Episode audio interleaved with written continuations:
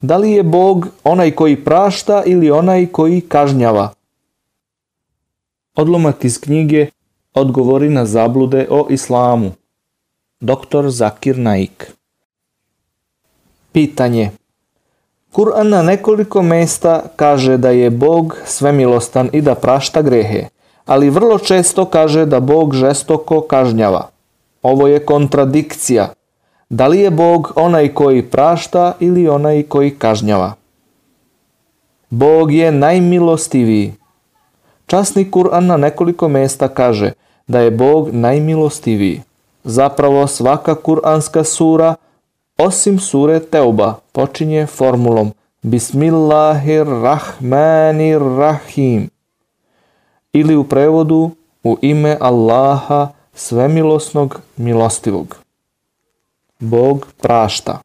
Časni Kur'an na nekoliko mesta, kao na primjer u 25. ajetu sure En-Nisa i u 74. ajetu sure El Maida kaže Allah prašta i samilostan je. Allah žestoko kažnjava one koji to zasluže. Osim što je svemilostan i što prašta grehe, Bog žestoko kažnjava one koji to baš zasluže. Kur'an na nekoliko mjesta kaže da je Bog pripremio kaznu onima koji odbijaju pravu veru. Sve one koji mu otkažu poslušnost, on će da kazni. Kur'an na nekoliko mesta opisuje razne tipove kazni koje je Bog pripremio u paklu. One koji ne veruju u dokaze naše, mi ćemo sigurno u vatru da bacimo. Kad im se kože ispeku, zamenit ćemo ih drugim kožama, da osete pravu patnju. Bog je zaista silan i mudar. Kur'an poglavlje En-Nisa. Bog je pravedan. Pitanje je glasilo, da li je Bog milostiv ili osvetoljubiv? Morate da zapamtite nešto veoma važno. Osim što je Bog milostiv, On žestoko kažnjava one koji zasluže kaznu zbog toga što je savršeno pravedan. Uzvišeni Bog kaže u suri En-Nisa. Bog neće nikome ni trunku nepravde da učini. Kur'an poglavlje En-Nisa. U suri El-Enbiya stoji Mi ćemo na sudnjem danu ispravne vage da postavimo, pa nikome krivo neće da se učini.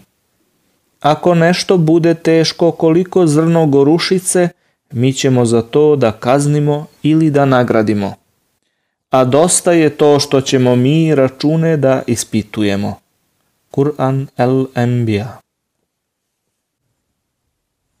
Primer profesora i studenta Zamislite profesora koji tokom ispita zatekne studenta da prepisuje, pa mu pod izgovorom da je milostiv i pažljiv dopusti da i dalje prepisuje. Ostali studenti koji su naporno i predano spremali ispit neće da smatraju da je ovaj profesor milostiv, već da je nepravedan. Ovaj milostivi postupak profesora daće opravdanje i ostalim studentima da prepisuju. Ako bi svi profesori bili tako milostivi, ni jedan student ne bi morao da sprema ispite. Bez muke bi ih polagali prepisivajući. Teorijski, rezultati njihovih ispita bi bili fantastični, ali u praktičnom radu ti bi ljudi bili samo jedna velika greška. Cela svrha ispita pada u vodu. Ovaj život je test za budući svet. Život na ovom svetu je ispit pred budući svet. Kaže Kur'an u suri El-Mulk. Onaj koji je dao smrt i život, da bi iskušao koji od vas će bolje da postupa. On je silni, onaj koji prašta. Kur'an poglavlje El-Mulk. Ako Bog svima bude opraštao, ko će da ga obožava? Ako bi uzvišeni Bog opraštao sve grehe svakom čoveku na svetu, ljudi ne bi imali motivaciju da mu budu pokorni. Niko ne želi da ide u pakao, ali ovaj svet bi postao pakao za život. Ako bi svim ljudima bio osiguran odlazak u raj, kakva je onda svrha života na ovom svetu?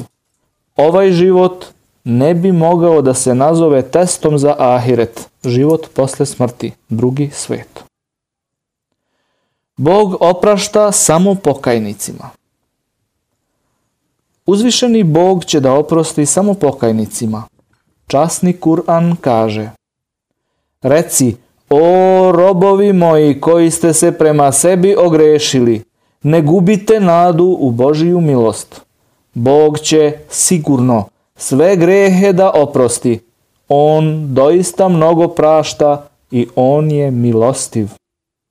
I povratite se gospodaru svome i pokorite mu se pre nego što vam kazna dođe. Posle niko neće u pomoć da vam priskoči.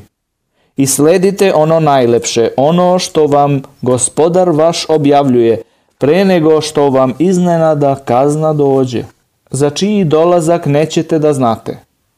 Kur'an poglavlje Ez Zumer Da bi pokajanje bilo ispravno, moraju da se ispune četiri kriterijuma. Prvi, priznanje da je delo za koje se kajete loše. Drugi, momentalni prestanak činjenja tog greha. Treći, čvrsta odluka da nikada nećete da se vratite tom grehu. I četvrti, ako je greh učinjen prema nekom, treba mu se nadoknaditi njegovo pravo.